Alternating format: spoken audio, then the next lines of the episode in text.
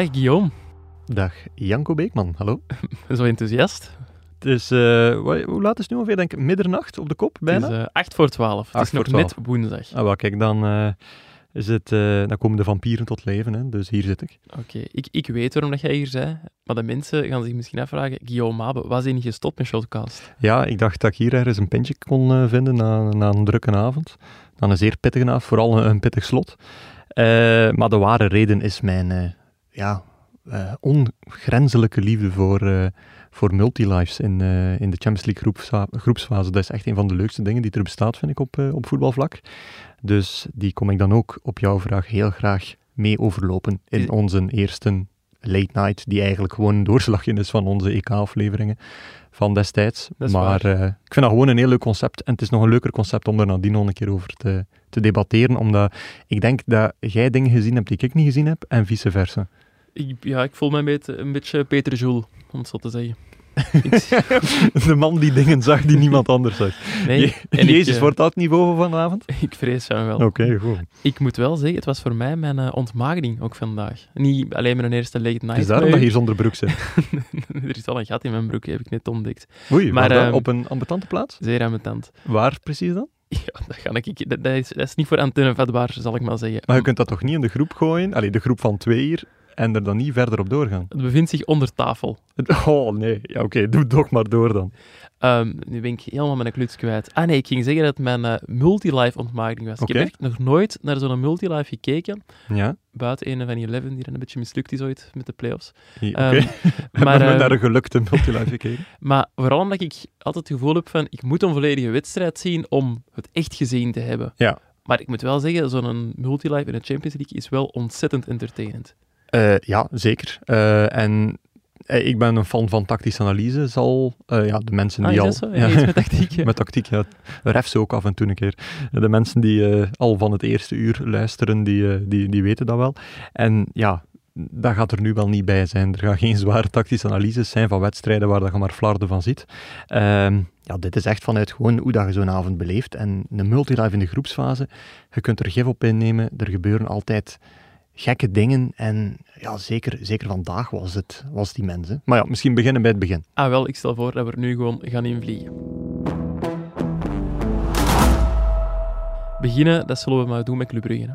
Denk ik wel. Dat was al speciaal genoeg, ondanks het feit dat voetbal niet zo, niet zo fantastisch was.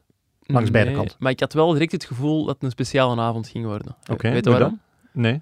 Karel Hoefke had een, een kostuum aan. Ah ja. Dat is ook de eerste keer dit seizoen. Ja, dat heb ik niet gezien. Nee? De, ik was de multilive aan het volgen. Ah, ja. dus, eh, ik kan ook die andere wedstrijden een beetje in doog houden.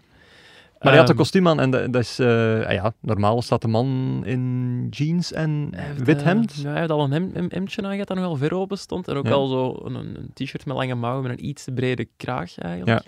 Maar het kostuum stond hem wel, moet ik zeggen. Ja, ja, als je het lichaam hebt, moet het showen. Hè. Ja, dat, dat is wat dat jij zegt. maar dus, eh, kostuum Karel Hoefkes en dat was de inleiding van een, voor een goede avond voor u. Absoluut. Ja, en ook omdat... Ik, ik, allee, we mochten het eigenlijk niet zeggen, maar ik had nog altijd wel het gevoel dat, dat dit Bayer Leverkusen een haalbare kaart was Ja. voor Club Brugge.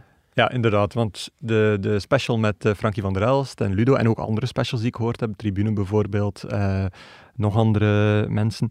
Ja, het, het, ik- het leek mij precies een beetje, dat was het trouwens niet het geval, voor de duidelijkheid, maar het leek mij zo bijna opge, opgelegd vanuit Brugge, zo van temper vooral de verwachtingen. En ik ga niet zeggen dat dit een groep is waar dat Club Brugge naar een top 2 moest streven, verre Mhm. van. Het was ook duidelijk eigenlijk dat intrinsiek vandaag, als Leverkusen op zijn best is, zijn ze beter dan Club Brugge op hun best. Mhm, ja, Daar- in principe wel. Da, daar kunnen we wel van gewoon groter ook. Allee. Ah, wel, duidelijk. Ehm, maar laten we dan wel niet het tegenovergestelde doen van wat we vorig jaar gedaan hadden. Namelijk dat Vincent Mannaert zich een beetje vergalopeerd had en zei van ja, we gaan voor top 2 in een groep met Mhm. City en PSG. Hm, dat was wel eh, heel ambitieus. Ik kan natuurlijk ook niet omgekeerde zeggen van we gaan er volledig eh, onderdoor. Ehm, maar nu was iedereen wel heel, heel, heel hard op zijn hoede. Terwijl, ja, een beetje Hollandse brani of een beetje Hollandse trots op voorhand kon, konden wij hier wel gebruiken. En ja, de uitslag nu bevestigt ook wel dat dit gewoon ook een poele is waar dat je dat gerust mocht uitspreken, zonder dat er achteraf iemand met een dolk in je rug gaat staan of eh, staat te wapperen met die quote op een papiertje uitgeschreven van ja jongens, eh, je hebt dat wel gezegd en je hebt keihard gefaald. Nee, dat, allee, daar moet echt geen schrik voor hebben. Nee, en, en wij zijn uiteraard objectief en neutraal als uh, journalisten. Of Zouden moeten, ja. Maar jij hebt hier toch stiekem een beetje zitten hopen op een goal voor Club Brugge, is het niet? Ja, maar dat, dat, is, dat, is, dan, oh, dat is eigenlijk een heel pijnlijk verhaal. Um, dus Club Brugge uh, was heel goed begonnen aan de Champions League campagne vorig seizoen. Mm -hmm, klopt. Uh, vier op zes gepakt, uh, aardig wat doelpunten gemaakt. Tegen PSG, drie punten op Leipzig. Ja, inderdaad. En op een gegeven moment haalden ze eigenlijk al redelijk vroeg um, ja, zo'n 497, 498 Europese goals. Dus wat doen wij dan op de redactie? Ja, voor een keer dat we in deze al zeer vooruitziend waren. We hadden eigenlijk al een grote visual gemaakt van meerdere posts. Um, met alle statistieken over een 500ste goal van Club Brugge. Uh, met de, deze speler heeft meeste gescoord uh, in diverse competities. Dit was de favoriete tegenstander. Dit was het favoriete land waar de tegenstanders waar tegen gescoord werd uitkwamen. Um, ja, en wat bleek nu na vorig seizoen? Strandde Club Brugge toch wel zeker op 499. dus die visual uh, een, een, klein jaar in de koelkast ik vanmorgen kreeg plotseling het idee, of kreeg nog een, op, een of andere gekke herinnering van, ja, die visual bestaat nog, halleluja. We hebben meteen een beetje extra content. Was dus, je het zelf vergeten? Ja, het is niet dat die 365 dagen constant elke dag minstens één keer in mijn, in mijn geest is, uh, is opgedoken, die visual. Ik dacht dat je er misschien wel een lijstje of zo had, u kennende, maar niet dus. Uh, ik, ik, heb wel een lijstje, maar dat lijstje moet soms nog een keer een deftige reminder hebben tot bij mij. Um, maar ik wist hem wel perfect staan nog. Ja. Hij, stond, hij staat wel al een jaar in een apart mapje. En wat blijkt nu? Ja, ondertussen hebben we hier zoveel redesigns doorgevoerd. Ik doe die open en dat is gewoon allemaal in onze oude typografieën, uh, in onze oude look. Uh, in, in JPEGs of in PNG's en niet in PSD. Uh, Photoshop ah, bestanden. Dat gaan de mensen wel verstaan. Ja, ja uh, niet in Photoshop bestanden, waardoor je het ook niet meer kunt aanpassen, ja, te zeggen van nul begint. En dan dacht ik, kak. Maar we hebben hem toch gewoon online gezet uiteindelijk? Of nee, nee, de visual ah, niet online. We hebben de inhoud van de visual in een artikel gegoten. de Jens Jacobs, collega hier op Sport Online, heeft dat gedaan. Uh, maar de visual aan zich uh, zal dus nooit het levenslicht zien. Misschien moeten we hier toch een paar van die, uh, van die feitjes met de mensen delen. Hè? Voor de mensen die het artikel niet hebben ah, ja, gelezen. Hebben ze voor u staan? Ja, ik heb ze even erbij gepakt. De, het eerste Europese doelpunt dat Club Brugge ooit maakte, dat kwam er via Raoul Lambert op 21 september 1967 tegen Sporting ja. Uit Portugal. Die komen zelfs nog ter sprake trouwens. Zeker weten. Ja. De ploeg tegen wie Club Brugge Europees het vaakst scoorde was Olympique Lyon. 13 goals in 6 matchen. Oké. Okay. De Europese topschutter, uh, dat is nog altijd Gert Verrijen met 23 goals in 88 matchen. Ook die komt zelfs nog ter sprake. Oké. Okay. En de topschutter in de Champions League, dat is Hans van Aken met 12 goals in 38 matchen. Ja, heeft daar een keer een reeks gehad dat hij x aantal wedstrijden op rij gescoord heeft. Er is toch niets gedateerd of zo van die dingen? Wel ja, je moet er gewoon eentje van Sila bijtellen. En ik denk dat, uh, ja, dat er dan niets gedateerd van is. Allee, ik weet niet, moet nu eentje van Sila bij, uh, bijtellen of eentje van uh, Gradecki? Of Gradecki? Het is Radecki. Radecki. De, de, Slova nee, de Fin met Slovaakse roots eigenlijk. Ja. ik denk dat de UEFA de goal heeft toegekend aan uh, Abekar Sila. Oké, okay, goed. Misschien moeten we even duiden waarom dat even eigenlijk een hele match lang een twijfelgeval ja, geweest ik moet eerlijk zeggen, dat voor mij staat ik gewoon onterecht, want voor mij is dat gewoon een pure ongoal. Is uh, Silla, die kopt op een hoekschop van, was het... Ik weet niet van wie er een hoekschop kwam eigenlijk. Een voorzet, denk ik. Vrij was een voorzet? Boom, alleszins op voorzet, kopt hem uh, van aan de eerste paal richting, richting eerste paal eigenlijk. Ja. En Radetski redt een bal nog wel, maar valt dan eigenlijk met die bal in doel, wilt hem nog uit zijn doel gooien, maar gooit hem tegen zijn eigen paal binnen. Dus ja. ja dat is voor mij een ongoal. Ja, en dan ook nog met zijn, met zijn voeten, echt zo heel stuntelig, ja. dat, hij, ja, dat hij dan iets geks doet. En wij natuurlijk meteen, oeh, even op YouTube opzoeken. Ja. En wij hadden direct drie, vier voorbeelden van eigenlijk nog gekkere stunts dan hier eigenlijk een bal klemmen in plaats van weg te boksen en over de lijn vallen. Ja, het is, allee, hij blijkt gewoon last te hebben met lijnen in het algemeen. Het is, uh, Radetski is ook de man... Allee, de Wat een sollicitatiegesprek ook. Wat zijn uw minpunten? Ik heb last met lijnen. ja, ik heb last van mijn dieptezicht in mijn broeken. Hij heeft dat met lijnen. maar het is uh, de doelman die de snelste rode kaart in de geschiedenis van de Bundesliga pakte. Dus niet de snelste rode kaart in het algemeen, maar wel de doelman die de snelste rode kaart pakte. Is dat duidelijk? Uh, ja, dat is duidelijk, ja. Ik, ik versta woorden. Ja, ja, maar ik weet niet wat de luisteraars dat nog doen hè, op dit uur. Um, Zij luisteren hoe heeft hem dat gedaan? Hè, Janko? het was uh, Frankfurt Red Bull Leipzig. En ja. een diepe bal die eigenlijk strandt iets voor de, voor de 16 meter, dus buiten de 16 meter. Hij komt uit en hij weet eigenlijk niet meer wat hij moet doen. En hij springt met zijn handen naar die bal En ja, uiteraard hand en rood. En hij reageert ook zo nog heel raar op en hij, hij stampt die bal ook zo nog weg richting Ja. zijlijn met frustratie. Dat was zijn, zijn eerste blundertje. Dus hij was te laat en toch besloot hij, weet je wat, ik ga hem toch maar pakken, want anders is het een zekere goal. Ja, ja klopt. Ja, dat is gelijk, Take one for the team. Gelijk eh, een speler, ja, Luis Suarez, die, Ja. die een bal uit het doel slaat. Hè. Dat zag er toch heel stom Het zag er heel stom uit, ik heb het ook gezien. Het zag heel En stom begin dit seizoen heeft hij nooit iets uitgestoken. Weliswaar iets minder schelmielig dan, dan Ja. die, die ene wedstrijd tegen, tegen Leipzig dan. Eh, het was tegen Dortmund deze keer. Was er een diepe bal die ook opnieuw zo aan de rand van de 16 meter kwam, maar in de Ja. lucht. En ja, hij probeert die uit de lucht te plukken. Maar ja, het was weer, denk je, wat zal het zijn, een halve meter buiten de 16 of zo. Dus rood en eh, de volgende wedstrijd Maar- geschorst. Dat vind ik dan nog klungeliger. Want Ja? wijlen Gert Gijssen zou hier binnen moeten stormen en eigenlijk zeggen van doelman kent zijn doel, maar doelman kent ook zijn carré. Ja, maar ja, ik heb het al gezegd. Radetski kent de lijnen niet. Nee, maar dat, dat is echt... Allee, bij de jeugd vroeger waren ze daar ook constant eh, mee bezig. Hoe vaak dat ik niet een aanvaller van de tegenstander heb gezien, die, die gewacht maakte van... Ja, de doelman heeft hier de bal duidelijk buiten zijn carré eh, eh, vastgehouden. Werd ook amper gefloten, want ja, er Mhm. waren geen lijnrechters en de ref kon dat niet zien op zo'n moment. Maar dat je dat effectief als elite-speler bij een topclub in een topcompetitie meemaakt, ja, is wel, allee, dat is wel heel knullig. Ja, ik denk, als Jean Boutet het had gedaan, had de Gert hier al gestaan. Dat is, oeh, en dat is ook een bewust rijm? Nee, nee, alles is per ongeluk op dit moment. Oké, goed. Eh, Ehm, nee, nog één ding voordat we naar het volgende gaan over uh, Radetski. De echt, echt, echt trouwe luisteraars van Shotcast kennen die eigenlijk al. eh, iets tijdens het EK waarschijnlijk, ja. Hij is Fins International, dus... Ja, dat misschien ook wel, maar ook omdat uh, hij is de ex-kamergenoot van Bram Verbiest. Hebben samen bij Ah. Brøndby in uh, Denemarken gespeeld. Juist, oké. Bram Verbiest had toen nog geen appartement, als ik me niet vergis, en heeft toen uh, een hele tijd bij Radetski uh, gelogeerd. En noemt hij nog altijd de Lucas. De... Dat mogen wij nog niet zeggen, denk ik, en zeker niet na vanavond. Oké, en hij had geen zotte verhalen over uh, Radetski? Um, nee, dat herinner ik mij al sinds niet. Ik heb wel nog iets teruggevonden van Radetski dat een Bram volgens mij ook nog zou kunnen meemaken. En daar is dat hem uh, na een wedstrijd met Finland tegen Wit-Rusland, na de wedstrijd stond, stond te vieren met de fans en plots een, uh, een pint binnenkapte. Oh ja, oké. Okay. Standaard. Ja, ik zie het niet elke doelman doen. Ik zie, die, ik zie Thibaut Courtois bijvoorbeeld zeker niet doen. Nee, misschien iets minder. Iets meer professional nog. Ja. Nu, uh, ja, we zijn hier eigenlijk bezig over de, de van de avond op een... Ja, Gala-avond. Op een gala-avond. zat een kostuum aan, hè? Hoefkes een kostuum zonder gaten. Nee. Uh, ja, drie punten voor een Belgische ploeg. Uh, allee, ik kan niet zeggen dat dat een unieke gebeurtenis is, maar dat is... Allee, zoals Wim de Koning zei tijdens de multilife van, uh, van, van Proximus, die zei eigenlijk gewoon van als een Belgische ploeg drie punten pakt in de Champions League, is het altijd fantastisch. Tuurlijk, ze, tuurlijk. Mo ze mogen nog 50 schoten tegengekregen hebben en er zelf maar één uh, op doel geschoten hebben. Het is altijd fantastisch, gezien natuurlijk de financiële verhoudingen met iedereen. Dus uh, in plaats van Radetski, misschien even nog iets meer zeggen over Sila.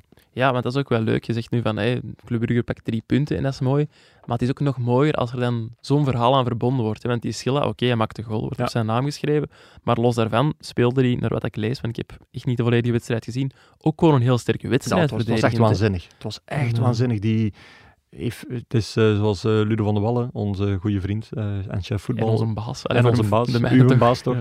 Ja. zei van, hij deed alles. Hij was aan het verdedigen, hij was aan het aanvallen. Uh, ja, allee, ik zag helemaal in het begin, zag ik Kosunu een paar keer heel hard doordekken op Van Aken. En dacht ik van, oeh, dat kan wel een pittig uh, duel worden. En Kosunu mm. zou je misschien wel op die manier een soort held voor Bayern, uh, voor Bayern kunnen worden, omdat, ze, omdat hij zo eigenlijk de spelmaker van Brugge eruit zou kunnen halen. Maar wat Sila eigenlijk deed, was, was nog indrukwekkender. En gewoon 90 minuten lang, of, of de volledige partij die hij heeft afgehaspeld. Dat was was eigenlijk zot voor iemand die vorig jaar nog weggeplukt is uit een Ivoriaanse uh, voetbalschool uh, en gewoon bij Club Next heeft gezeten. Ja, en ook wel leuk om te weten misschien voor de mensen, dat heb ik uh, gevonden in een, uh, een stuk van de collega's van het laatste nieuws, moet ik erbij zeggen. Blijkbaar hebben ze, om een soort background check van uh, Silla te doen, gebeld naar Odilon Kosunu.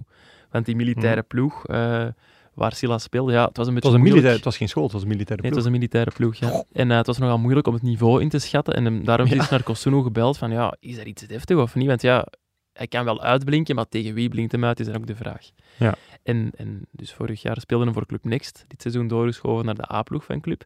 Maar zijn start is daar niet echt vlot verlopen, hè, want hij heeft wel iets aan mijn tand meegemaakt deze zomer ook. Eh, wat dan? Iets extra sportief of zo? Ja, hij had ehm, per ongeluk, allez, per ongeluk, hij heeft dat bewust gedaan, de, de nieuwe shirts van Club Brugge op zijn eh, social media gedeeld. Nog voordat Club Brugge die aan de Ah, wereld had juist. getoond. Dat was ook Awakar Silla. En Maar wa- was de titel van dat stuk ook zoiets van onbekende reservespeler deelt per ongeluk nieuwe shirts van Club Brugge of zo? dat zou wel eens kunnen. Ja, ja. dan hou die titel wel even gaan moeten aanpassen een de beetje. grote Awakar Silla zullen we ervan maken. Inderdaad, ja. Eh, ja, hij was, hij was supergoed. Ehm anderen waren eh, zeker oké. Er waren niet superveel tegenvallers bij Club Brugge. Ehm, maar moeten we nu euforisch zijn? Goh, ja, ik denk dat we nu toch wel een beetje moeten gaan dromen van die volgende ronde, toch? Eh, ja, maar ik vraag het aan u. Ja. Euforisch, ja, wat is euforisch? Allee, Ja, wat is euforisch? zei, ja, het, is, het is heel mooi dat ze drie punten pakken en dat je die campagne goed begint. Maar euforisch zou ik dan een 1-0 tegen Bayer Leverkusen nu ook niet worden. Ja. Porto en Atletico Madrid zijn en blijven ook gewoon heel stevige tegenstanders. Ah, wel, het is Nog wel, een ander niveau dan Bayer ah, Leverkusen. wel, we hebben Porto Atletico ook eh, eh, opgezet in de multilife, flarden gezien.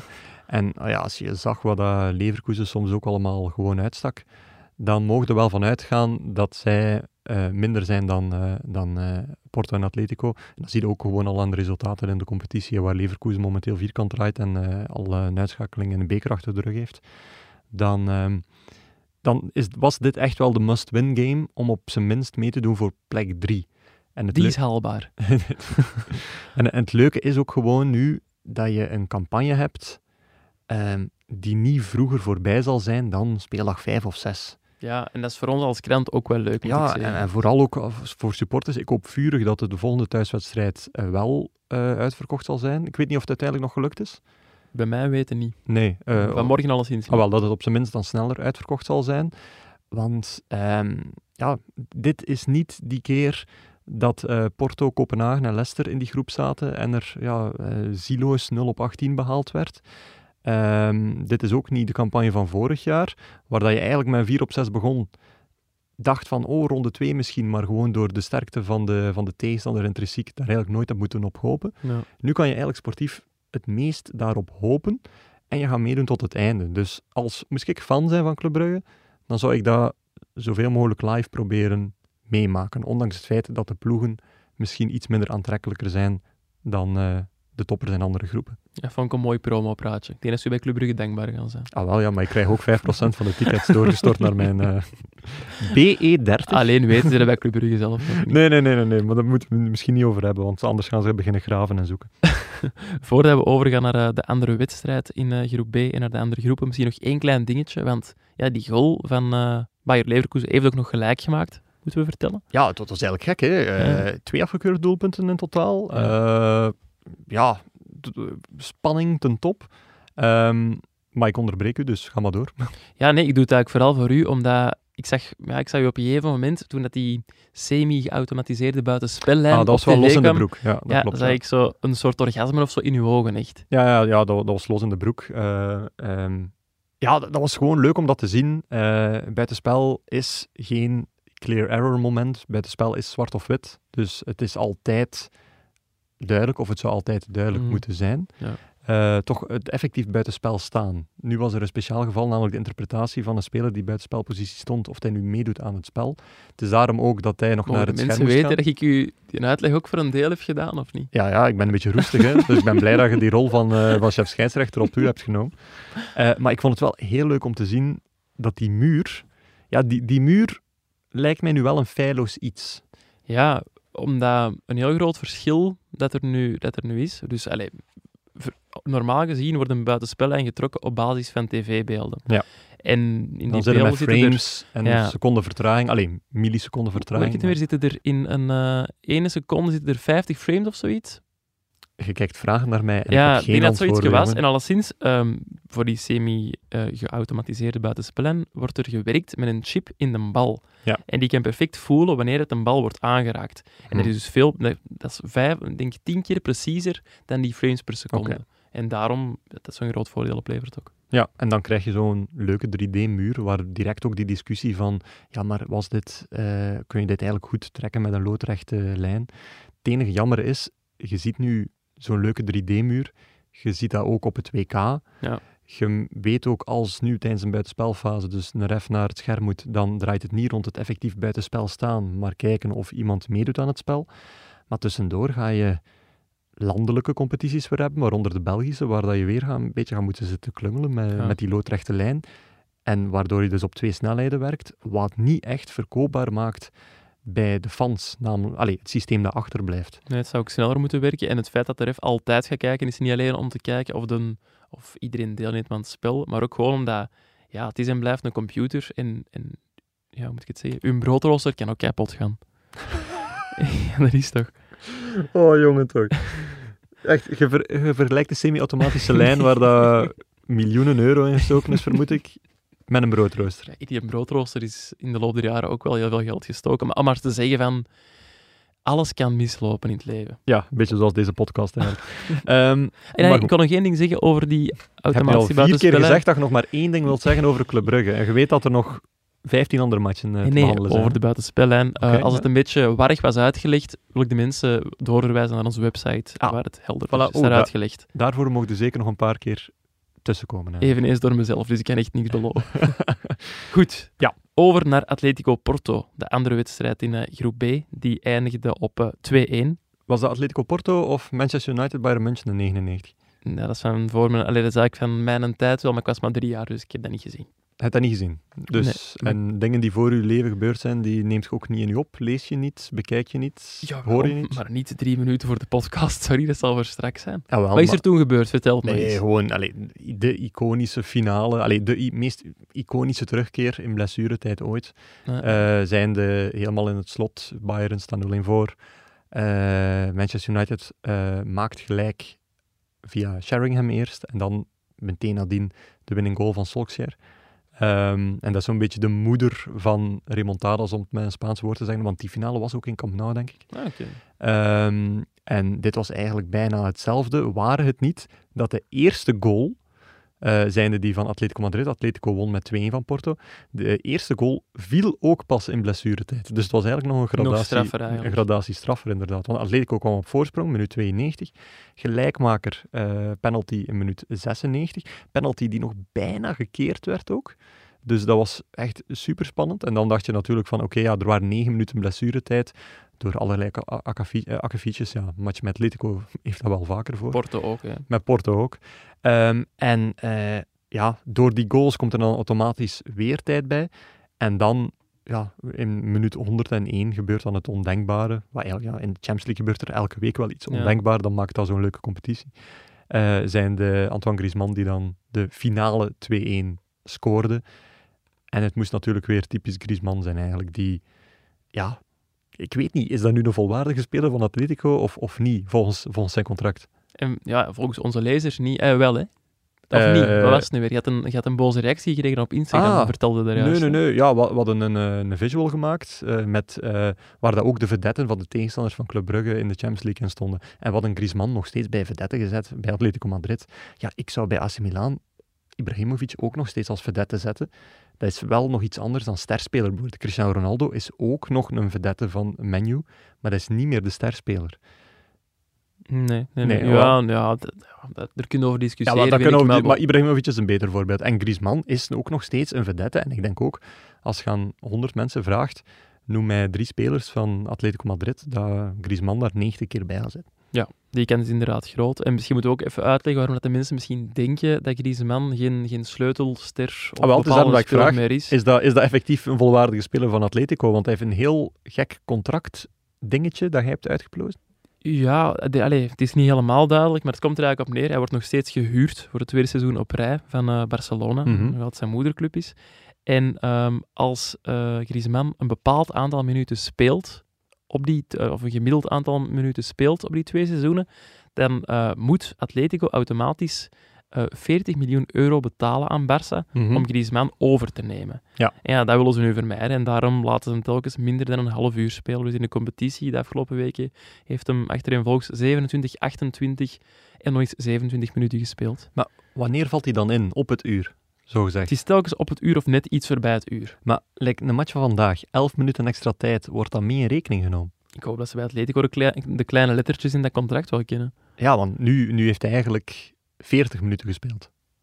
Ja, klopt. 41 zelfs. 41, dus ja, bijna één eh, minuut voor een miljoen euro. Ja, dus bij Barcelona zullen ze er nu met rekenmachientje klaar zitten. Hè. Oh, maar wat een situatie Om de eigenlijk. mail aan het sturen naar, eh, naar Atletico. Ja. Nee, Swat, allee, alle gekheid op een stokje. Dat is wel zo'n match waarvan je denkt van, goh, als ik die live meemaak in het stadion, het is nog maar groepsfase en die clubs zijn veel meer gewoon. Ehm, die hebben al veel betere dingen bereikt in de Champions League dan ja, de, gewoon die groepsfase. Maar dan nog denk ik als Atletico-fan is dat echt een moment om, om te koesteren. Ook al is het nu nieuw stadion. Ja, het lijkt mij fantastisch. Ja, ja als, als supporter absoluut wel. Dat, dat is voor mij echt lang geleden nog eens ergens als supporter ben geweest. Maar ik denk dan aan de journalisten dat daar zitten. Dat moet zo ambetant zijn. Ja, Dat er zo laat nog zoveel dingen gebeuren. Ik heb ooit eh, Ajax-Tottenham, de fameuze 3-3 in de halve finale, ehm, waar eh, Ajax ook gewoon... Ja, kwam Ajax niet 3-0 voor? Denk, dacht het wel, hè? Ja, ik denk het wel. Ja. en dan had ik dus eigenlijk al mijn stuk af aan de rust, eh, of minuut 50. Mhm. Ehm, maar dan ja, komt er een goaltje tegen, een extra goaltje tegen, en helemaal op het einde is dan de volledige ommekeer, namelijk de goal van kwalificatie voor Tottenham. Eh, en dan vloekt je eerst wel, maar achteraf denkt je van, oh, wat moment was dit? En dan, Ja. dan denk je ook, ik heb mijn verslag in de mixzone eh, ergens op de grond nog staan. Ja, dan hoop je dat je eerder een tv-journalist bent, waar dat je gewoon direct kunt praten met de kunt spelers. praten en zo, in plaats van het ding dat je hebt doorgestuurd eh even op te schonen en, Mhm. en beter te maken. Maar achteraf, ja, dat zijn, dat zijn wel werkherinneringen voor het leven. Ja. En mis je dat zo niet in de stadions komen? Wow. Niet, nee, niet zozeer eigenlijk.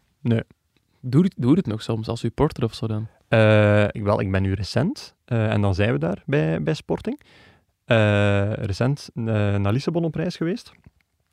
Take me back, zou ik zeggen. We hebben een nieuwe chef verlof. Chef Verlof, ja, ik, wel, ik ben vier keer op reis geweest, jong, deze zomer. Ja, ik hebben het gezien op Instagram. Ja. Dat is zot eigenlijk, hè? Vier verschillende reizen gedaan. Ehm, maar ehm, dan hebben we een match gedaan van eh, Sporting, Sporting Lissabon. Ehm, en eh, dat was ook wel nog eens wijs. We zaten vlak naast eh, de harde kern. Oh, het was ook duidelijk dat ik geen ervaring meer had met eh, naar een stadion gaan, want ja, komt Waar kun daartoe... je er verkeerd doen? Ah wel, nee, het, het is zo... Ja, echt, echt bijna, bijna boomer-gehalte vond ik mijn eigen hebben. Het was echt gek. Ik kom daartoe vanuit de metro, dus dat was al gelukkig geslaagd. Maar dan zo rond dat stadion eh, met mijn vier vrienden. En zo van, ja, wa- waar zijn de eet- en de drankraampjes? Ik vind die niet, dat was hier toch? Zo, zo dat soort dingen.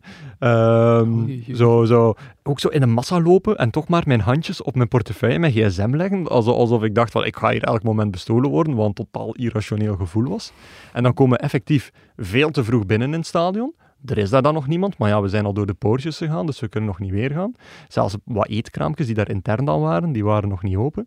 We bestellen dan toch iets om te drinken. Ja, Hm, Hoe, hoe lang voor de wedstrijd waren nee, jullie nee, daar het was echt... Wow, Drie Eh, dagen of zo? Nee, nee, nee, nee dat, dat was dan nog maar 50 minuten. Ah, dus ik dacht, ik dacht nu wel van, ze zullen hier al veel vroeg in het stadion zitten, maar ze waren net heel laat eh, binnen.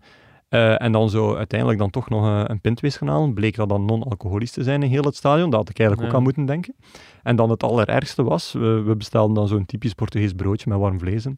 Pakken dat mee, gaan zo braaf op ons plaatsje met vijf naast elkaar gaan zitten. Ik doe dat, dat ding knopen. Dat is gewoon letterlijk een droog broodje zonder vulling. Dus Nee, ja, dus van de vijf waren er zo twee die ze gewoon vergeten waren te beleggen. En toen dacht ik echt van, oh man, Portugezen, hè. ja, ik ben hier echt een Duits van de bende aan het worden eigenlijk. Ehm, maar dan teruggebracht en heb ik toch nog een broodje warm vlees gekregen. En hoe was de wedstrijd? Had je gezien dat de Sporting Frankfurt ging verslaan in de Ja, Champions ik League? echt, dit is echt de affiche of de uitslag waar mijn broek het meest van afzakt eigenlijk. Nog meer dan die van Mijn u op dit moment. is, ja.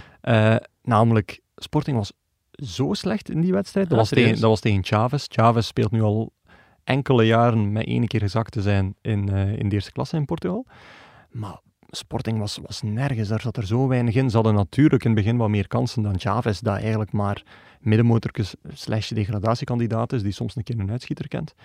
Maar eh, toen dat zij een paar kansen tegen begonnen te krijgen, dat was, dat was rampzalig.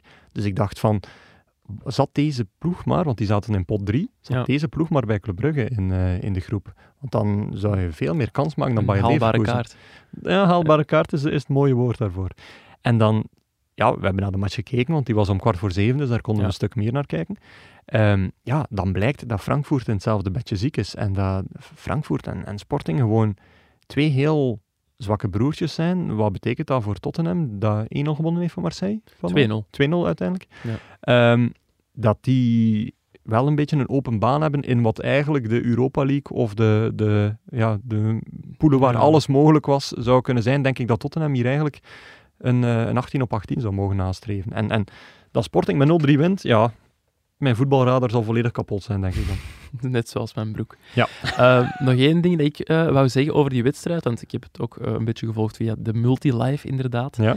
Eh, dat was een van de doelpuntenmakers, ik denk dat hij de 2-0 maakte. was eh, Barcelona-huurling Trincao. En die werd door ehm, de commentator, ik ben niet zeker, maar ik denk dat het Bram van den Driessen was, De, consequent... de scheidsrechter. Nee, nee, van den Driessen. Ah, Eh, die werd Trinsau genoemd. oké. En allee, ik wil die mensen, ik wil er geen steen naar werpen, maar ik maak ook fouten. Maar eh, het is dus wel Trincao. En ik wil eh, Bram van den Dries, als het effectief Bram van den Driessen was, Forvo aanraden. Wat is Forvo? Dat is zo, jij kent dat ook wel, denk ik, een, een Ah, website. moest ik het kennen, zou ik niet vragen wat is.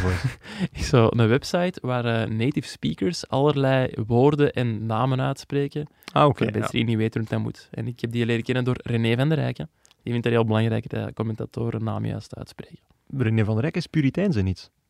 Wonderbaarlijk. Ja, het verraste mij ook. zou, zou ik nooit in die man gezien hebben. Nu, nog één ding over Sporting. Als jij er vier over Club Brugge mocht zeggen, mag ik misschien eentje over Sporting doen. Jot, jij mag alles, jij bent Ehm, bazen. Wat dat daar heel leuk is, is ehm, de manier waarop dat ze toewerken naar de aftrap. En, en eigenlijk blijven werken aan de sfeer na de aftrap. Met droge broodjes. Dat was een eenmalige vergissing voor twee personen. Eh, nee, ehm, je hebt nu heel veel clubs die eigenlijk een soort ja, scheduled lijst maken, die eigenlijk stopt wanneer de aftrap gegeven wordt. Dus eh, Ja, ze waar. zorgen eigenlijk er perfect voor dat het climax van een nummer of het einde van een nummer gelijk loopt met eigenlijk eh, het, het fluitsignaal. En ze kunnen dat plannen, want ah, ze proberen nu altijd toch wel exact op het uur dingen eh, van start te laten gaan. Ja, zelfs wat- in Portugal. ja. Zel- wat doen ze bij Sporting? En dat heb ik nog niet zo vaak gezien. Ze zetten eigenlijk eh, na een paar clubliederen hun eh, meest bekende clublied in. Ongeveer een minuut voordat er gefloten werd, want iedereen stond eigenlijk al klaar. Twee keer elf spelers, de, de scheidsrechter al met fluitje in de mond. En heel dat stadion gaat bij dat nummer recht staan en meezingen. Ja, 30, 40 seconden later is het fluitsignaal. En eh, de muziek gaat wel af, maar heel het stadion blijft zingen. Dus Ah, eigenlijk die, die eerste anderhalve minuut of die eerste twee minuten van eh, die wedstrijd was eigenlijk een puur kippenvelmoment van, ja, in dat geval, het waren 30 tot 35.000 aanwezigen, die bleven zingen. En dan dacht ik van, eigenlijk een heel, slim, een heel slimme manier om uw ploeg op het veld ook nog een beetje extra motivatie te schenken. En echt een heel mooi moment, zonder dat het geforceerd is. Dus Ja. dat, dat, dat is misschien wel een tip voor anderen. Zorg gewoon voor dat je bekendste lied eigenlijk in het midden van die aftrap valt, want dan krijg je een soort a cappella versie tijdens de beginfase fase van je wedstrijd. In Sevilla is dat ook, in uh, Sanchez Pizjuan. Ja, en echt het mooiste clublied ter wereld. Dat uh, ook de mensen ook aanraden. Als je zingen, naar Sevilla kunt. Zingen, Nee, nee, nee, nee, ik wil de link gerust. Ja, ik ken het van buiten, maar het is echt... Ik ken het echt van buiten. Ja, ja, ja. Maar ik ga het echt niet... Nee, maar niet geef dan eens een, een fragmentje, kort. Nee, echt niet. Nee, nee, nee misschien Of een andere keer. Neurie de melodie. Mhm. Nee, ik kan ook niet neuren. Ik ben er echt heel slecht in, sorry. Nog in eh, groep D, een eh 2-0 zege voor... eh, Gewoon, droog staat volgende gaan. Oké dan. Een 2-0 zege voor Tottenham, dat Ja. hebben we er juist al gezegd. Ja. Ik heb niet superveel van die wedstrijd onthouden, buiten een eh, stevige rode kaart voor ex-Anderlecht-speler Chancel Mbemba. En Ja. wel geestig, Joey Barton, die stond eh, tussen de fans van Marseille in de tribune. Oké. Die heeft nog voor Marseille gespeeld. Dat zou gek zijn, moest hij nog voor PSG gespeeld hebben, bijvoorbeeld. Heeft hij daar ook? Nee, hij heeft niet gespeeld. Hè? Nee, maar moest... Ja, laat, maar, laat, laat maar, jongen. Goed. Eh, wat was er nog allemaal te beleven vanavond? In Maar we groep- eigenlijk al gehad, ja. Club Brugge hebben we gehad in zijn groep. We hebben Eh, groep B en groep D al gedaan. Dan zal ik misschien naar groep A gaan, want die wedstrijd werd ook eh, om kwart voor zeven gespeeld. Ah ja, daar heb ik al nog een leuke vraag over. Doe maar. Eh, dat is dus de groep van eh, Liverpool en Napoli. Eh waanzinnige wedstrijd ook. Ja. Komen we subiet wel op terug, denk ik. Maar ook vooral de wedstrijd tussen Ajax en Rangers. En laat dat nou toch net al meteen een confrontatie zijn tussen eigenlijk onze Europese analisten, Ludo en Frankie van der Els van vorige week, die een dark horse en een dark donkey moesten verkiezen, namelijk een Ja. ploeg die boven verwachtingen zou presteren en een topper die onder verwachtingen zou presteren. Ludo had Ajax gepakt als Dark Donkey. Die Klopt. beschouwde hij al als een topper. En ehm, ja, ehm, wat had Frankie eigenlijk gedaan? Nee, Frankie had eh, een andere eh, ploeg als... Ja, oké, het maakt niet uit. Eh, eigenlijk om Ludo overal. het ging vooral over Ludo, want Ludo wou ook dat Rangers eigenlijk een Dark Donkey ging, ging worden. Nee, En- dat was een Dark Horse. Daar verwachten Dark hem Horse. veel van. Ah, ik, zo, nu ben ik het helemaal Je aan zit er echt al lang uit, hè. joh. Ja, inderdaad. Dus Ajax zou volgens hem tegenvallen en Rangers zou meevallen. Het is 4-0 geworden voor Ajax. Ja, dat is 4 worden voor Ajax. Over naar het volgende. Nee, nee, nee. nee, ik, heb- ik ga met een baas hier niet afvallen. Ehm, dat kan iedereen overkomen, zelfs de beste. Ehm, maar ik had, nou ja, dat mag ik, mag ik eigenlijk ook niet zeggen, want ik heb mijn Dark Horses en Dark Donkeys niet genoemd. Hè, Ah, ja. eh, Eh, zeg, ja, zeg ze dan nu? Ajax was mijn Dark Horse. Maar ja, je kunt er dan ook weer over discussiëren van, is Ajax al een vaste waarde aan je top? Als je op voorhand je poolen ziet, Ajax, eh, maar Ajax, Rangers, Napoli en Liverpool. Welke twee ploegen gaan door? Ik zou zeggen Liverpool en Napoli. Ah, voilà. Dus dan Ja. mocht je Ajax toch wel als Dark Horse noemen. Hè? Eh, ja, dat moet je doen, maar ik vind het gewoon grappig dat je eerst zegt het kan de beste overkomen, eh, een foute pronostiek, en dan gewoon even zegt van ja, maar ik was wel volledig juist. Nee, maar waarom ik dat niet heb gedaan tijdens de aflevering toen, tijdens de special, je zit daar met, met Frankie van der Elst, hè, voormalig Gouden Schoen, met chef voetbal van de Wallen, Voormalig gouden pen. nog altijd Gouden Pen, dan gaat het toch niet... Ja, nee, ik wilde niet meespelen met de grote man op dat moment. Ik wilde hier- niet meespelen met met de u durf ik dat wel. Oké. Wie was dan uw, uw favoriete jonge speler? Allee, uw dark eh, jonkie. dat was Brian Brobby van Ah, Ajax. Ja, de man die dus eigenlijk bij dit swingende Ajax op de bank begon. Ja, het was ook maar tegen Rangers natuurlijk. Ah, hij was nog niet nodig. Nee, maar ik moet er ook wel bij zeggen, allee, het is een groot talent. Er worden in Nederland al de nieuwe Lukaku genoemd. Oké. Maar ik heb het ook wel voor voetballers waar ik sympathie voor heb. En dat heb ik met Brian Brobby wel. Ja, en waarom dan? Ja, ik heb, ik heb die Brobby al een paar interviews gegeven na de wedstrijd, ook vorig seizoen. Toen hij eh, werd gehuurd van eh, Red Bull Leipzig. Ondertussen is hij gekocht door Ajax. En ik zag vorige week ook zo'n fragmentje passeren. Ik denk dat het van ESPN was. Waar hem zo een aantal ja, dilemma's, vragen werden voorgeschoteld. En een van de vragen was van, eh, ja, wat zou je doen als je geen profvoetballer waart geworden? En ehm, ja, zijn antwoord was, ja, dan was ik tennisser geworden. En dan vroeg ik van, Oké, ja. ja, kunt je dat heel goed dan? Nee, maar ik vind het wel leuk. ik, vond, ik vond dat zo sympathiek. Hoe fantastisch is dat, ja? daarom is dat de mijn dark eh jonkie. Alleen Oké. moet hem eh, wel nog zijn kans krijgen in de Champions League van eh, Alfred goed. Schreuder. Allee, vind, zijn je content dat je het nu hebt kunnen delen aan een eh, ondergeschikte en niet met een, eh, met een topper? Ik heb niet ondergeschikt gezegd, hè, maar nee, maar dat maak ik ervan. Hè. bovengeschikt als eh, Ludo en Frank. Ah, niet zo bovengeschikt, oké. ja, dat ga ik op mijn eh, zerk zetten, denk ik. Ehm, andere match in die groep. Dus ja, Ajax eh, haalt uit tegen eh, Rangers. En hoewel Napoli met een kleiner doelpuntenverschil gewonnen heeft, is dat wel straffer. Wat zeg dan? hè? Ja, dat is waar. Het was 4-1, als ik me niet vergis, tegen Liverpool. Tegen niemand minder dan Liverpool, toch een eh notwaar Champions League winnaar. Ja, ja, wat kunnen we daarover zeggen? Dat is heel straf. Allee, we kunnen er dus geen tactische analyse van maken, want we hebben de wedstrijd niet volledig gezien. Wel een paar opvallende dingen. De, Mhm. Een van de doelpunten voor Napoli werd gemaakt door Giovanni Simeone, de zoon van, Eh, Diego. inderdaad, de trainer van eh, Atletico, dat er juist al is gepasseerd. Ik dacht normaal als iemand zo zegt, zo de zoon van, ja, dan, dan stop het. Maar je waart echt zo aan het wachten op een, op een ah, antwoord. nee, dat is een quizvraag. Ja, ja. Oké. Ehm, en nog leuker om te weten, eh, hij reed dat, dus hij maakte zijn eerste goal in de Champions League, Ja. exact 25 jaar na zijn vader ook zijn eerste goal heeft gemaakt in de Champions League. Oké, mooi moment. Ja, dat vind ik wel. Ja, dat was ook wel geëmotioneerd, zeg ik. Oké, goed. Eh, maar ja, het ding is, eh, Napoli zelf had dan eigenlijk al de schaapjes op droog, hè, want ze stonden eigenlijk al 2-0 voor. Het had al 0-3 kunnen zijn, want ze hebben ook nog een penalty gemist, trouwens. Eh 3-0, want ze speelden thuis. Dat klopt ook. Bij de les blijven graag. Maar ehm, ja, we hebben geen tactische analyse. Ik heb gewoon wel eens naar de, naar de cijfertjes gekeken.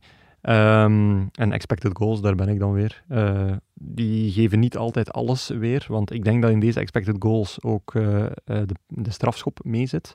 Maar eh, die was aan de rust 3,83 voor Napoli en 0,8 voor Liverpool. Maar 3,83 Dat is in absurd. hè? 45 minuten, dat is, dat is een ploeg kapot spelen. Ja, Dat is echt niets minder dan een ploeg kapot spelen. wel pijnlijk voor eh, Jurgen Klopp. Ja, dat is klop krijgen eigenlijk. Een betere voorzet heb ik Ja, zelf wel, ik dacht, gegeven, ik dacht van, doet hij dat nu echt bewust? Nee, dat is onbewust. Ja, dat zal ergens ook zo'n radar of zo zijn dat van binnen zit. Ik moet wel zeggen, zo, oogstjes, ik heb je nog niet zo vaak gezien, maar die zijn een beetje aan het dichtvallen. Dat zal dan een eh, gesprekspartner liggen, denk ik. Nee, nee, dat is helemaal niet waar. Oh, nee, nee, ik wil er even bij de mond. Als de mensen nu het gevoel krijgen van oei, dit blokje over Napoli was een beetje warrig, hoe komt dat, Guillaume? Eh, ja, ik, eh, we zijn even twee seconden gestopt, omdat ik dacht van, shit, we hebben dit eerste half uur gewoon niet opgenomen. En dat zou betekend hebben dat wij om half één s'nachts opnieuw moesten beginnen aan onze late night special. Ja, ja, en dan denk ik al aan Elisabeth die zit te wachten op deze sporen om te monteren. En dat zouden we niet verkocht krijgen, denk ik. Nee, inderdaad. Maar Laten goed. we maar overgaan naar eh, de poelen des doods. Ja, ja, en laten we hopen vooral dat dat eerste half uur erop staat. Ja, zo goed was dat nu ook niet. Nee, nee, maar goed. Allee, poelen des doods. Of, zoals ze die op Proximus noemen, de Karel Dirksens poelen. Waarom? Dus Karel Dirksens is u wel bekend, Ja, de woordvoerder. de woordvoerder. En eh, wat minder mensen weten is dat hij ook voetbalcommentator is. Klopt. ehm, Die doet de Shakhtars en de Ja. Victoria Pilsen van deze wereld. Ah, wel ja, en het is daarom dat ik het meteen ook de Karel Dirksenspoelen noem, omdat ja, als je... Hij zegt graag, ja, ja ik, ik doe vaak de kleintjes. Hij werd ook zo geïntroduceerd door Nicola de Brabander van, ja, je hebt een liefde voor, voor de, de kleinere clubs om te becommentariëren. Hoe komt dat? En hij zo kurk droog, ja, dat is omdat jullie mij altijd die aanduidingen geven.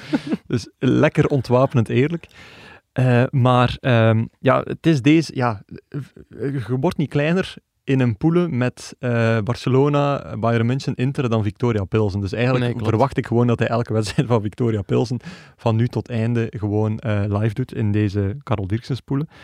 Ehm, maar ja, eh, Victoria heeft ook wel getoond, ik zeg nu Victoria, maar eigenlijk is Pilsen de roepnaam denk ik, heeft ook wel getoond dat ze het kleine broertje zullen zijn, want 5-1 Ja. op Direct, Barcelona? eh, 5-1 verloren op Barcelona. Die andere wedstrijd was eh, Inter-Bayern, die eindigde op 0-2. En ja, bij Barça was, ja, wie, wie was een uitblinker? Uiteraard Robert Lewandowski. Ja. Heeft de, zijn eerste een hat gemaakt in de Champions League voor Barcelona. En hij is de eerste speler ooit die erin slaagt om eh voor drie te een hat te maken voor drie verschillende ploegen. Bayern en. Dortmund. Ja, klopt. Quizvraag 2-0 Het was mij. niet licht pozen. Dat, eh, Stel u voor. heel goed gezien, ja. Stel u voor. Er stond trouwens ook eh, een, eh, een Belg op het veld hè, tijdens Barça Victoria Pilsen. Ehm, wacht, hè, die kwam niet zo heel vaak voor in Multilife. Ah ja, ja, juist. Want het eerste beeld dat ik ervan zag was dat hij eigenlijk aan het wapperen was met een rode kaart. Laurens Visser stond Ja. met een rode kaart in zijn handen die hij wilde geven aan, ik denk aan, nee, Andreas Christensen, die een, een zogezegde penalty-overtreding maakte. Maar, hij eigenlijk een slag in het gezicht kreeg. Ja, hij werd dan teruggeroepen door de, door de VAR en het was een speler van Victoria Pilsen, ik weet niet wie dat was, sorry daarvoor, die een gele kaart kreeg voor, ja, ja een, denk een onbedoelde elleboog in het gezicht van Christensen. Ja, en daardoor Christensen maakte wel nadien een, een, iets wat een overtreding zou kunnen zijn, als hij natuurlijk zelf niet eerst eh foutief gestopt werd. Ja, klopt, inderdaad. Eh, Visser was trouwens de eerste ref. Maar in, Visser eh, moest dan naar, naar de VAR gaan en dergelijke. Ja, hij is gaan kijken naar het scherm. Ja, eens gaan kijken naar het scherm, want ik herinner mij dat hij... Hij was net vertrokken naar het scherm, hij stond bijna aan de, aan de overkant van het veld. En hij draaide hem na vijf minuten al... Na vijf meter draaide hij hem al om. Hij heeft dat tot twee keer toe gedaan naar spelers waarvan hij het gevoel had dat die hem aan het achtervolgen waren. Om te zeggen van, ho, ho, ho. Ah, en heb ik niet gezien. Ja, hè. blijf daar, want eh, ja, iedereen weet, eh, enkel de ref mag naar het scherm Ja, gaan ja, ja. kijken. Refailov heeft dat afgelopen weekend ook nog eens eh, meegemaakt. Ehm, en dat dacht ik ook zo van, goh, ja, toch even mannetjes stellen waar het niet helemaal hoeft, denk ja, ik dan. dat zal aangeleerd worden, zeker. Ja, ze gaan hem niet 60 meter volgen tot dat scherm, hè. Het zou wel tof zijn als we zoiets een scheidsrechter konden spreken of zo. Ja, Nee? misschien, hm, misschien zit dat eraan te komen. Moet u eens werk van maken. Ja, inderdaad. Ehm, Visser was dus, zoals ik wilde zeggen, eh, de eerste ref, Belgische ref, die een eh, wedstrijd in Camp Nou mocht fluiten sinds Frank de Blekeren.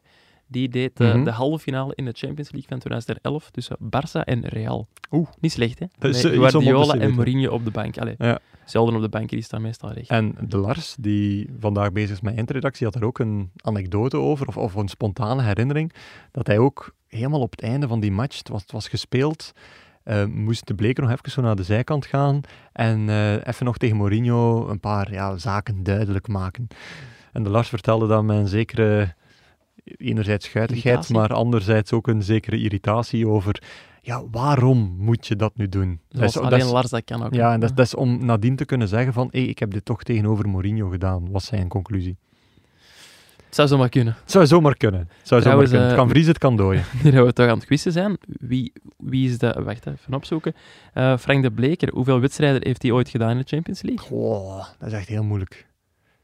Poeh, Voor Visser was het zijn tweede. Ja. Vorig jaar ook ehm, Real Madrid, Sheriff Tiraspol gedaan. Geef je zo'n beetje tijd. Oh, ik gedaan. zou een, hoeveel zou hij zo per seizoen doen? Een stuk of zes misschien. En dan een eh, jaar of een jaar of tien. Oh, mm, 58. 49. Oeh, Wie is de recordhouder? Wie reed de meeste wedstrijden? Het zijn er Als ref? 69. eh, het zijn er 69, maar je steekt er wel de vaart in plotsen. Eh, wie floot er het meest? Ehm poh. Eh, Boussaka. Nee, fout. Het was eh, de Duitser Felix Brig. Felix Brie. Ja. Het was ook close, hè. Zwitserland, Duitsland. Jezus, we worden, we worden wel... dat is toch niet... Het is, ja, het is 20 voor 1. Hè. Dat, eh, En al drie keer tuur gezegd. Willen naar huis, jongen? nee, nee, ja, allee, jawel. Ja. Als, als, als eh, Rebecca luistert, uiteraard wel. Ja. Ehm, Nee, ehm, ja, van die match, ja. Eh, gewoon één feitje over Inter Bayern, want ja, natuurlijk, redelijk, re- redelijk vlotte zege voor Bayern. Maar ehm, de goal, de eerste goal van, van Sané, ehm, ja, is het geluk of is het genialiteit? Maar hij plukt daar een bal uit de lucht, eh, die eigenlijk voor hem valt, Mhm. eh, die eigenlijk zo terugkeert tegen zijn borst en hij doet een, een dubbele borsttouch. Waardoor hij Ja. perfect controle blijft behouden over die bal. En dan dacht ik van, wow, dit is echt iets wat ik eigenlijk nog nooit gezien heb. Dat lijkt mij niet bewust, omdat ik denk dat hem gewoon te snel was eigenlijk. Ja, Snap je wat ik wil zeggen? ja, ja. Dus, allee, ja, het, was knap, het, is, gewoon knap dat je zo snel bent eigenlijk. Hè. En dat je zo kunt reageren. Ja, dat wel, inderdaad, ja. want je moet hem nog wel binnentrappen daarna ook natuurlijk. Hè. Dus, eh, klasse van eh, onze vriend Sané. Ja, mocht naar het volgende gaan. Ja, ik denk dat we alle wedstrijden van vandaag hebben gehad, hè, of niet? Eh, vier groepen, denk ik. Dan eh, kunnen we naar gisteren, hè, naar dinsdag. Want toen stonden er ook wel een paar mooie affiches op het programma. Ja, en ook, we doen nu zo'n late night, dus eigenlijk doen we het enkel maar van de avond die geweest is. Maar hij hebt gewoon veel te leuke dingen meegemaakt dinsdag. Want jij zijt naar PSG Juventus mogen gaan. Ja, klopt. En ik heb een, eh, een leuke wedstrijd gezien. Ja. Zijn met TGV geweest? Ik ben met de TGV geweest. Niet met het vliegtuig, niet met een zeilwagen. Gewoon met een trein. Nee. Want dat kan, naar Parijs. En Kylian Mbappé is niet in lachen uitgebarsten? Ja, toch niet met mij, hè. Nee. Ik vind trouwens dat hij, hij en zijn coach, dat die eigenlijk daar onterecht voor worden aangepakt. Want ja, sorry, als je als journalist die vraag gaat stellen aan die speler die dat... Oké, Mbappé bepaalt dat misschien nu wel zelf, gezien zijn contract. Ja. Allee, ja, wat, wat verwachten dan? Allee, het antwoord zou natuurlijk... ehm, Ik zeg niet Eh, dat zij de problematiek moeten oplossen, maar nee, het is nee, toch nee, niet maar- de manier om te reageren. Gewoon. nee, Misschien maar... moeten we wel even kaderen wat er juist is gebeurd. Ja, wel, dus er was een persconferentie. eh, ze waren naar Nantes geweest eh, het weekend ervoor. Eh, twee uur met de TGV is dat normaal, vanuit Mhm. Parijs. En ze hebben, eh, zoals gebruikelijk, een privévliegtuig genomen. En in de perszaal eh, zat er iemand die vroeg van... Ja, denken jullie erna om wat energie-neutraler te worden, wat energiezuiniger? En eigenlijk voor een TGV te gaan. De, Mbappé die begon er echt ehm, mee te lachen. En eh Gaultier die zei eigenlijk van, ja, misschien moeten we de volgende keer gewoon met een zeilbootje gaan. Dat vond ik eigenlijk nog een, nog een straffere reactie. Maar wat- ik zeg niet dat de reactie goed was, maar ja, je kunt ook daar als speler of als trainer gewoon maar het standaardpraatje aan geven, denk ik. En anders, ja, wat zou het antwoord zijn van, ja, voor ons zou dat echt geen probleem zijn om dat te doen. Waren het niet, ja, als hij op de TGV kruipt, hij stapt uit, er komt duizend man rond hem.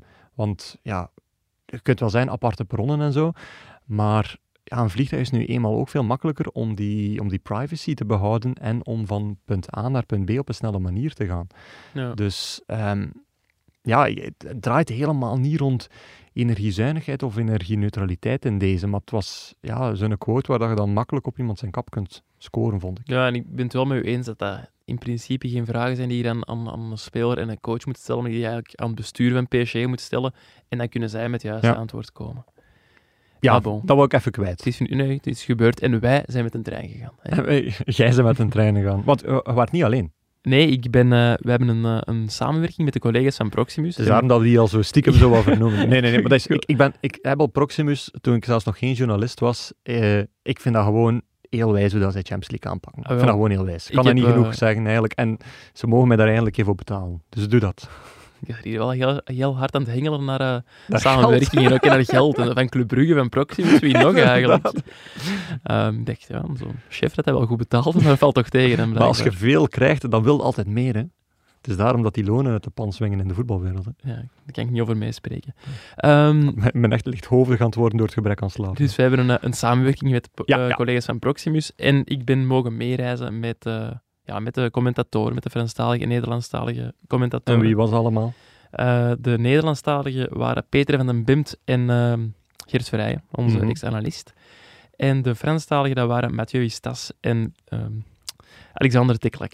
Ah ja, Groen en eh Charleroi. Grote naam, voetbalnaam onder de taalgrens geworden. Ja, dat is blijkbaar Meer als beetje- analist dan als voetballer. Ja, de, de, de Franstalige versie van Geert Verrijen wordt er echt wel eh, zeer gewaardeerd voor eh, zijn analyses. En een heel aangename man ook Is ook een goede analist, inderdaad. En, was er niet zo'n speciale analist mee? Zo'n een gastoptreden van iemand? Van, van... Ja, dat was Kieke.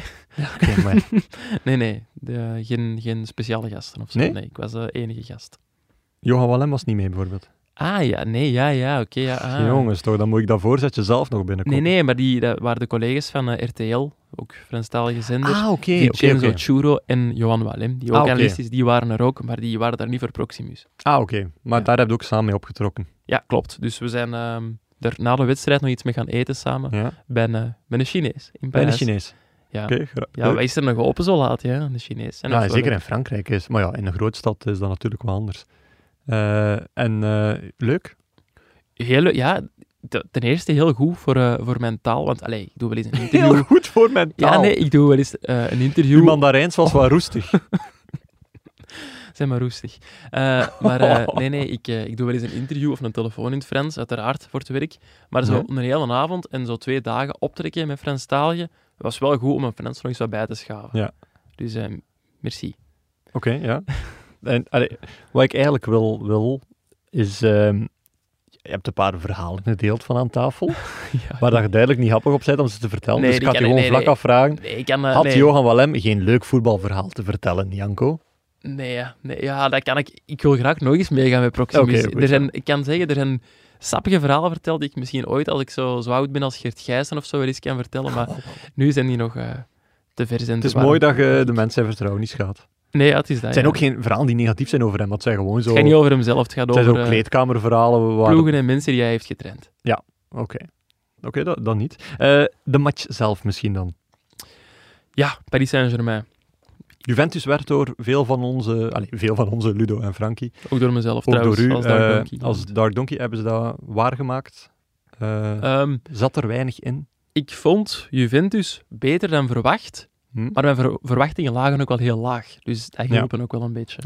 Ehm, over Paris Saint-Germain, ja, ik vond ze een kwartier lang echt ontzettend indrukwekkend. Ze, ze eisten een bal op en ja, dan, dan kun je als ploeg wel een dubbele muur optrekken en proberen om ze er niet te laten doorkomen. Fantastische goal ook. Hè? Ja, maar als je een trio hebt dat, dat luistert naar de namen Mbappé, Neymar en Messi, ja, die vinden altijd een gaatje. Ja, en dat bleek al vrij snel. Het was eh, Mbappé, speelde Mhm. Neymar aan, schepte een bal over de verdediging van Juventus. Mbappé spurte door, knalde hem in één tijd binnen in de verste hoek. Ja, dat is, dat is waanzinnig, want die bal die komt, Ja, die komt zelfs niet loodrecht van achter u, die komt zo vanuit een hoek van, van 160 graden. ja. En dan plaatst je hem gewoon, hij raakt hem perfect, hij raakt de grond niet. timing zat perfect. Ik denk zelfs dat hij niet botst. Nee, nee, nee, het was in één, Ja, ik uit de denk- lucht. Ik denk zelfs dat hij niet botst, eh vooraleer dat hij de goal raakt zelfs. Dat nee, hij, ik denk dat hij pas echt in het netje botst, Ja. als ik het me goed herinner.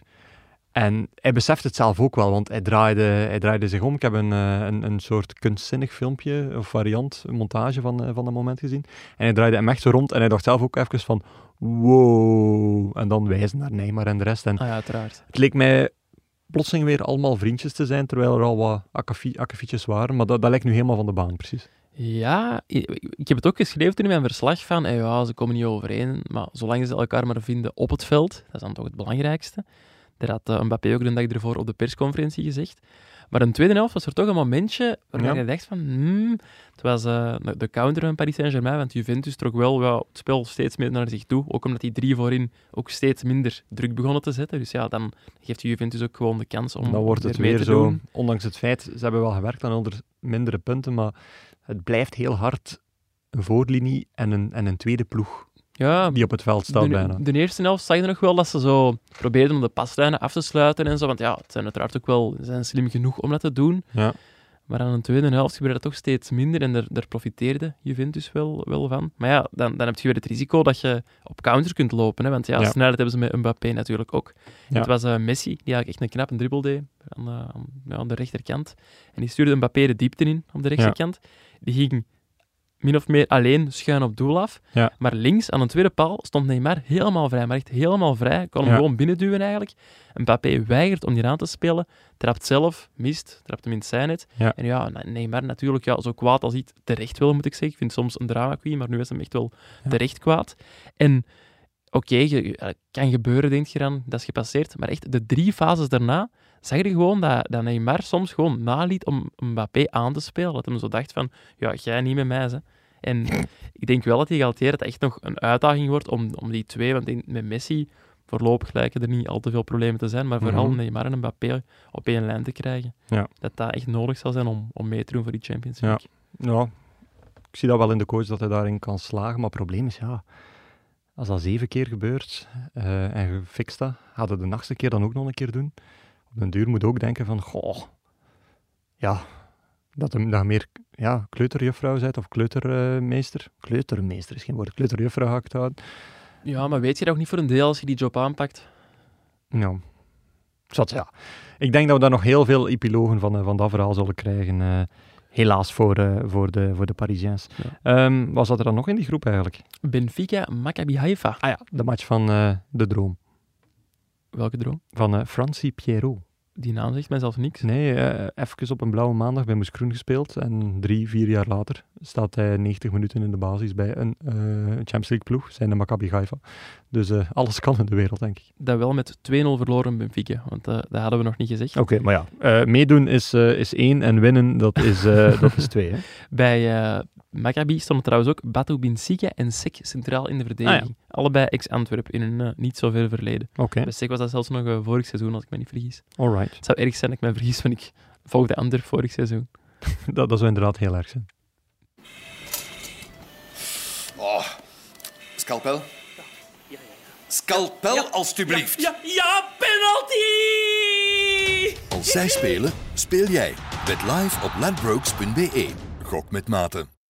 Ja, ik zat gisteren dan wel in Parijs, maar eh, ja, de krant heeft mijn artikel niet gehaald. Dat is extra pijnlijk, hè? Je gaat speciaal naar daar, omdat je denkt dat dat de, de leuke affiches... En je stuk verschijnt toch, Gero God, alleen maar online. Alleen maar online, zegt de chef online. Ik dacht, ik klok hem even uit zijn, eh, Ah, uit nee, ik vind dat helemaal... Nee, maar dat is wel een, ehm een generatieding dat ik zo merk op voetbalvergaderingen, dat bepaalde oudere collega's het ja, heel, heel, heel jammer vinden als hun stuk de krant Mhm. niet haalt en dat het alleen maar online verschijnt. Terwijl ik denk, ja, dat wordt online ook gelezen, hè? Hey, toch, chef? Eh, dat wordt online gelezen, ja. ja. Dus ja, ik zie daar minder, minder graten in. Al moet ik wel zeggen, het is wel een leuk gevoel om mijn eigen stukjes op papier te zien. Ah, kijk, en dat te voilà, kunnen ja. aanraken. Ja. Dus ik begrijp het voor een deel, maar ik wilde toch even de, de generatiekloof Die schetsen. openbaring gezegd zijnde. Ehm, ja, nee, het stond dus niet in de krant. Eh, en er was een reden voor, en die reden was dat er een paar eh, Belgen van zich doen Ja, spreken hebben. hè. En ik denk vooral Eden Hazard, want dat was de man die in de krant stond vanmorgen. Ja, en ehm, ja, ik denk ook een beetje, wat Hans van Aken eigenlijk zei na de match van Club Brugge daarnet, een beetje oppassen met de hoera-stemming nu. Eh Hazard scoort en deelt een assist uit. Mhm. Speelde eigenlijk een heel goede, heel goede wedstrijd. Hij speelde een goed uur, want Ja. hij kwam eigenlijk in de plaats van Karim Ben- Benzema, die na een, een half uur geblesseerd uitviel. Eh, en mensen die het misschien van iets verder volgen, denken van, ah ja, oké, nu kan hij weer de concurrentie aangaan. En eh, dat zal eh, redelijk snel in de chacos komen. Eh, Vinicius Junior is wel doorgebroken, dat zal misschien niet te vet zijn. Maar langs rechts heb je, heb de Vasquez, heb de mm, Rodrigo, denk ik. Ja, die gaat hij toch eruit moeten kunnen spelen. En dan denk ik van, dat is niet iets wat je moet gaan hopen. Want Ancelotti heeft al meermaals duidelijk gemaakt, en het ook effectief gezegd, dat Hazard niet langer een soort naar binnen knijpende flankspeler is voor hem, maar een, eh, een, een vervangoptie in de spits als valse negen. En in die spits loopt er nu eenmaal een Karim Benzema rond. Ja. Ja, die is geblesseerd uitgevallen. Ja, die gaat twee tot drie weken uit zijn. Maar Hazard mag, denk ik bij wijze van spreken, nog in die twee matchen die hij misschien extra gaat mogen spelen of gaat mogen starten, acht of negen of tien keer scoren. Benzema heeft die afgelopen twee jaar zo, zo, zoveel betekend voor Real. Nog meer dan in al die jaren daarvoor, waar dat hij overschaduwd werd door ene Cristiano Ronaldo. dat, het, ehm, dat dromen van een basisplaats op korte termijn er denk ik niet in zit. Ah, wel, ja, ik ben het er niet helemaal mee eens. Ik snap wat dat je zegt, hè, van...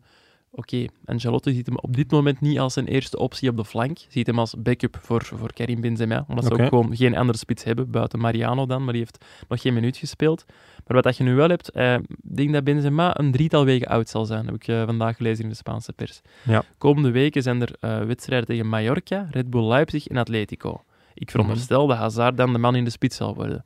Stel dat hem het in, in die wedstrijden heel goed toe. En vervolgens ook bij de Rode Duivels. Ja, misschien dat Ancelotti dan ook wel zegt van ja, dan Hazard in vorm kan ik op de flank ook wel gebruiken. Ja, oké, maar stel, stel, stel. Het zijn En veel alsen, maar, het kan hè.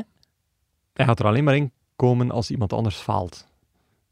Ja, het is jammer dat, dat hem zo diep is moeten vallen. Maar Terwijl vroeger had hij het statuut van als hij goed speelt, dan komt hij in de plaats van iemand anders die goed speelt. En nu is hij eigenlijk de persoon die goed mag spelen, maar als iemand anders goed speelt, gaat die spelen.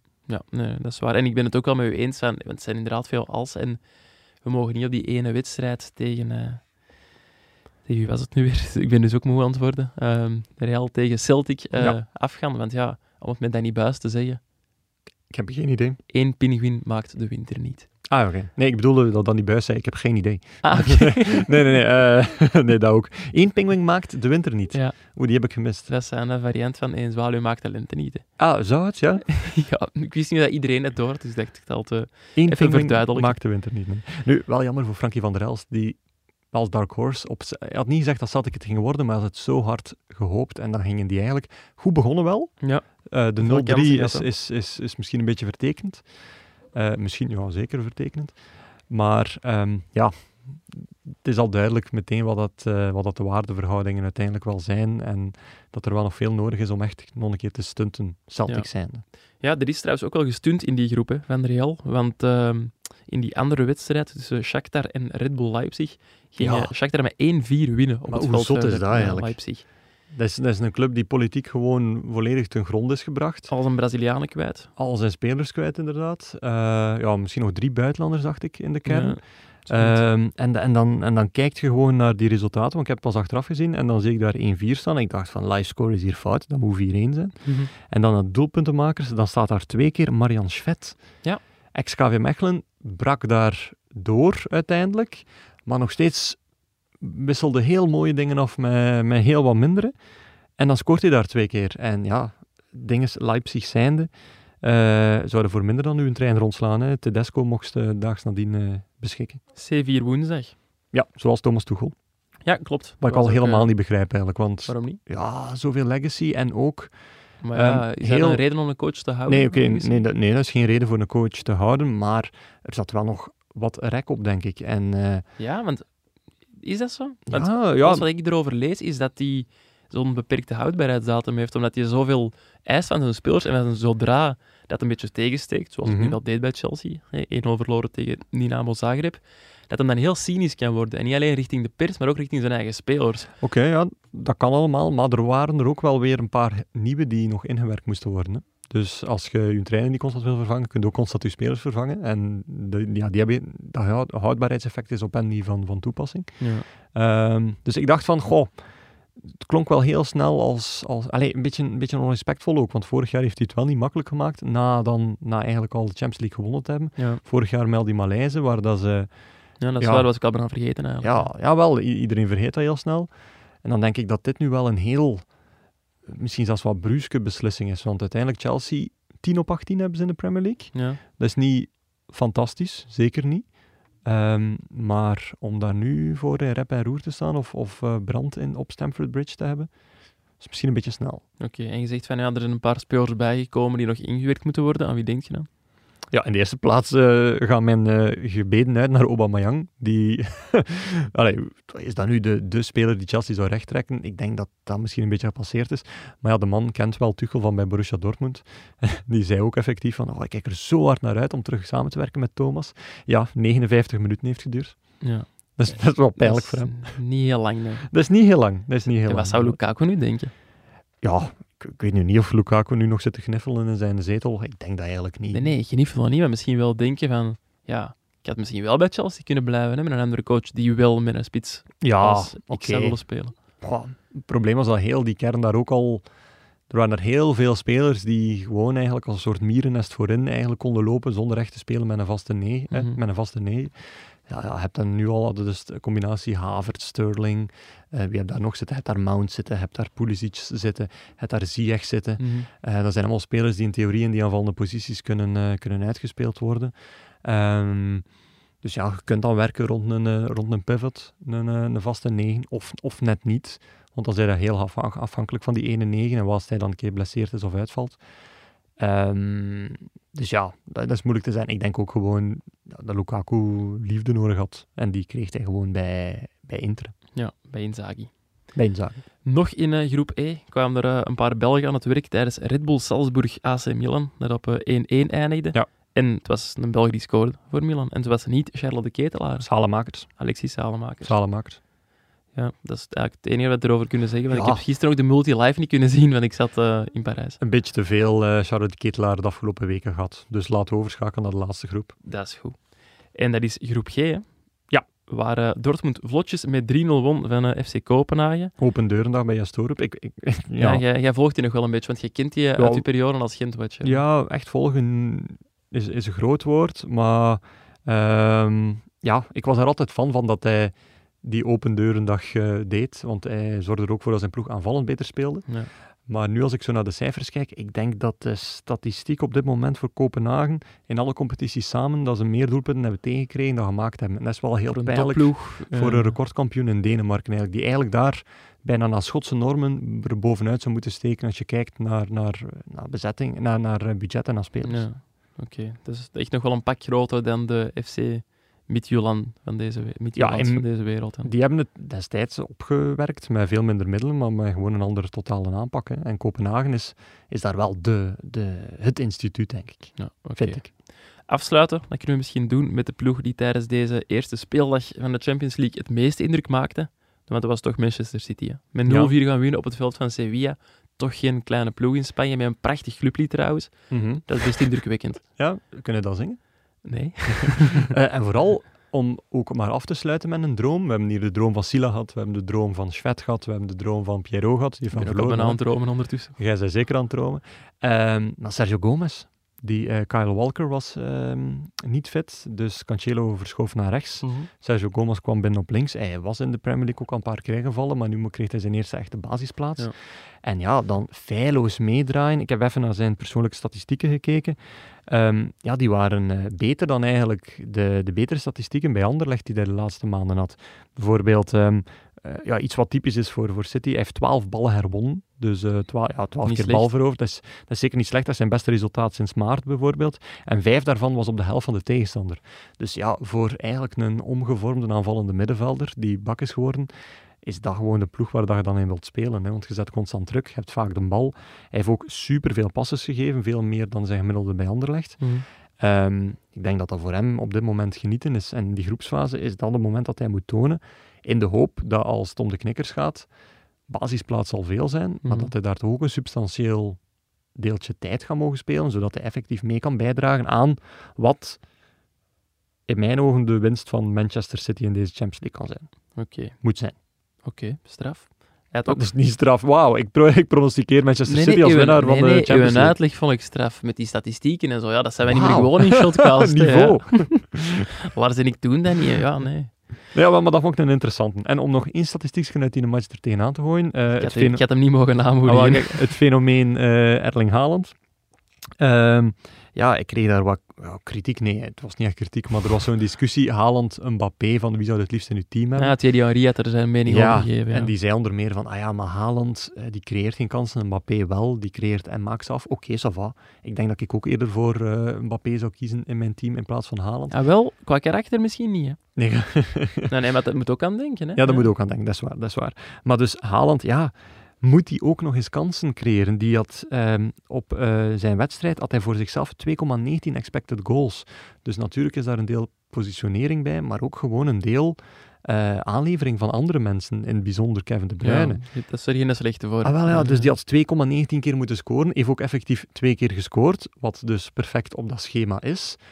Ehm, en ja, mo- moet je dan ook nog eens kans gaan creëren? Allee, op die dag, hè, dus de cijfers van nu zijn nog niet binnen, maar op die dag had enkel Dortmund als volledige ploeg meer expected goals dan Haaland op zijn eentje. En, amai. Dus er waren, tegen Kopenhagen, dat is niet moeilijk. ja, er waren 14 clubs die in de totaliteit minder gecreëerd hadden ehm, dan Haaland kansen had gekregen.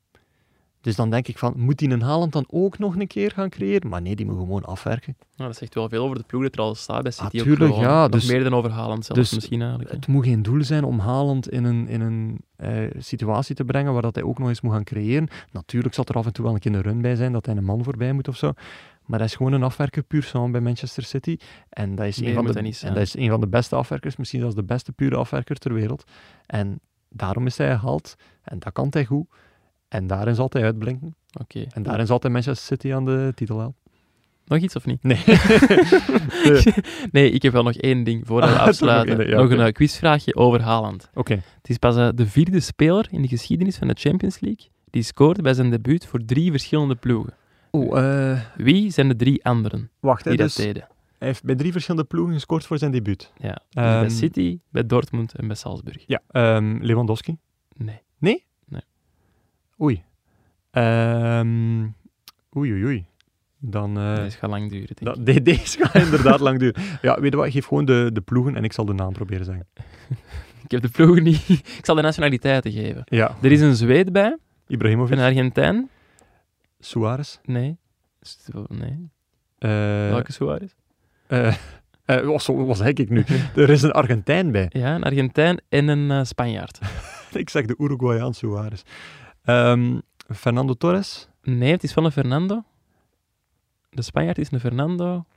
Morientes. Ah, Fernando Hierro. Nee, Fernando En Morientes, de oké. derde, de eh, Argentijn. Eh, ook eh, dezelfde generatie van Morientes. Ja, toch wel zoiets. Eh Riquelme Nee, hij heeft voor de aartsrival van eh, Morientes gespeeld. voor Barcelona. Ja, Saviola. klopt. Oké. Dan hebben we ze alle drie. Goed.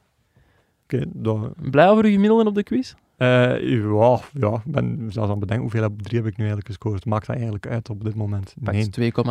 2,19 of zo. Dus, welke zweet zou dit in godsnaam gedaan hebben? Hmm, hmm, hmm.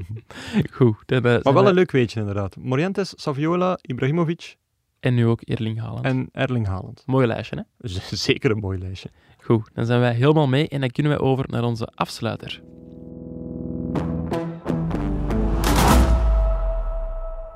Wat staat er vandaag in de krant, Guillaume? Waarom doen wij een afsluiter eigenlijk? Ja, dan moet er afsluiting. Ik wil gaan slapen. Oké, eh, ik dacht dat dit al een afsluiter was. Eh, wat staat er vandaag in de krant? Ehm, wel, eh, dat weet ik niet, want ik ben bezig met online. Maar iets dat wel 's ochtends verschijnt en ook in de krant staat, dat een extra laag biedt op de Club Brugge-wedstrijd van daarnet, is bijvoorbeeld de analyse van René van der Rijken. Die is nog niet Absoluut. uitgespeeld, dus die kan er zeker bij. Ehm, verder heel veel leuke weetjes. Ehm, eh, Wout van Aert heeft ook gesproken, eh, want die zit in Canada bezig. Dus die zal gesproken hebben over Evenepoel, morgen in de Shotcast, krant. De wielerpodcast Shotcast het Wielerpodcast. En voor de rest ehm, denk ik dat er ook vandaag eh, een voetbalgids is afgesloten, die niet morgen bij de krant zit, maar afgesloten is dus wel binnenkort het volgende weekend eigenlijk mee eh, aan de krant wordt toegevoegd. Klopt. Zaterdag 17 september. En eh ja, shotcast gewijs zijn we er maandag gewoon terug met een reguliere aflevering. Stimmt. En dan eh, zullen we tussendoor nog iets werk maken van zoiets speciaal, hè? Een Ja. special, hè? Ja, zo met zo'n bepaald beroep van voetbal dat we hebben besproken daarnet. Een spits of een verdediger of een middenvelder, wilde nu Ja, zeggen. of de man in het zwart. De man in het zwart. Die eigenlijk tegenwoordig de man in het fluo is. Vaak wel. Ja. Oké, goed. Dan was dit het voor vandaag. Dan zijn jullie en de mensen van Ledbrokes weer helemaal mee. Geniet nog na van eh, ja, de afgelopen Champions League speeldag en van deze special. En tot een volgende keer.